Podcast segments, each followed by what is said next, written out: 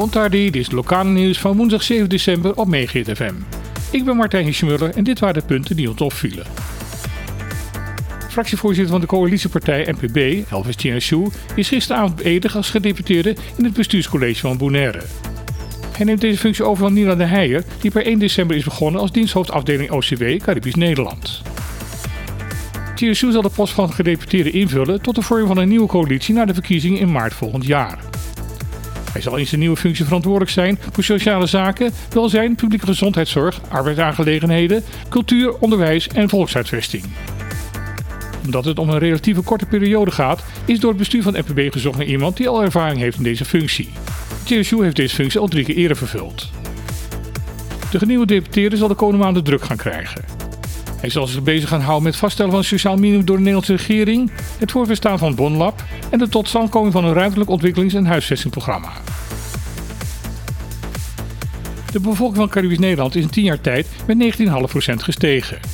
De prijzen op de drie eilanden zijn in de laatste twee jaar gestegen met gemiddeld 7%, maar het gemiddelde loon steeg vanaf 2011 met slechts 2% per jaar. Cijfers en nog veel meer zijn te lezen in het rapport Caribisch Nederland in cijfers, dat gisteren door het Centraal Bureau voor Statistiek is gepresenteerd. Op 1 januari van dit jaar had Caribisch Nederland bijna 28.000 inwoners, bijna 5.500 meer dan in 2012. Opvallend daarbij is dat Bonaire het enige eiland is waar de bevolking toenam. Op Sint-Eustatius en Saba nam het aantal inwoners juist af. Begin dit jaar woonden er 22.500 mensen op Bonaire, ruim 6.000 meer dan 10 jaar geleden. Iets meer dan 1000 zijn het gevolg van de natuurlijke bevolkingsgroei van het eiland zelf. De resterende 5000 is het gevolg van een migratieoverschot.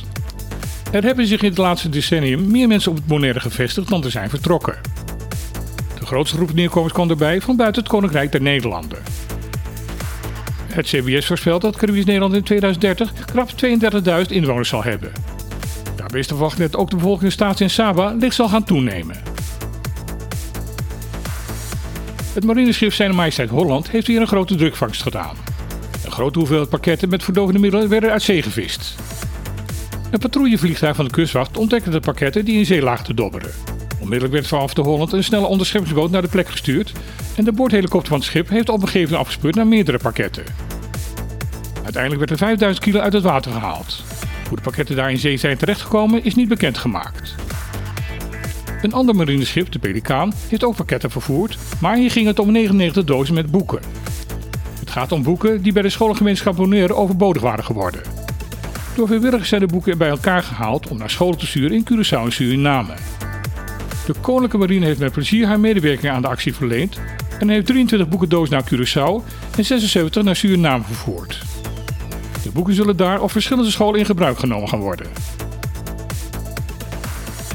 Het bestuur van Sint-Eustatius heeft onregelmatig gehandeld door een rapport over acuut instortingsgevaar van het Fort Oranje Cliff niet openbaar te maken en door geen veiligheidsmaatregelen te nemen om een instorting van het gebied te voorkomen.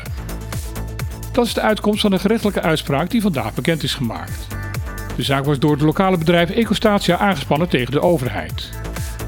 Deze overheid moet van de rechter binnen drie maanden starten met werkzaamheden om het gevaar van vallende rotsblokken weg te nemen. Wanneer dat niet gebeurt, is door de rechtbank een dwangsom ingesteld die kan oplopen tot 1 miljoen.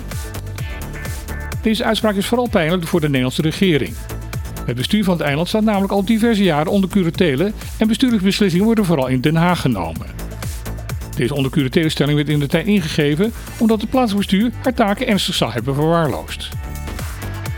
Oud-regeringscommissaris en huidige staatssecretaris van Financiën, Marnix van Rij, was op de hoogte van het rapport en heeft in de tijd geen actie ondernomen. Het Rijk vond de 5 miljoen die nodig was om het klif te beveiligen een te grote uitgave. Ook staatssecretaris Alexander van Huffelen heeft na publicatie over het onderwerp het niet nodig gevonden om tot actie over te gaan. Het is nog niet bekend of de overheid tegen het vonnis in beroep zal gaan. Dit was weer het lokale nieuws op Megahit FM van vandaag. Iedereen wordt nog een mooie dag toegewenst en graag weer tot morgen.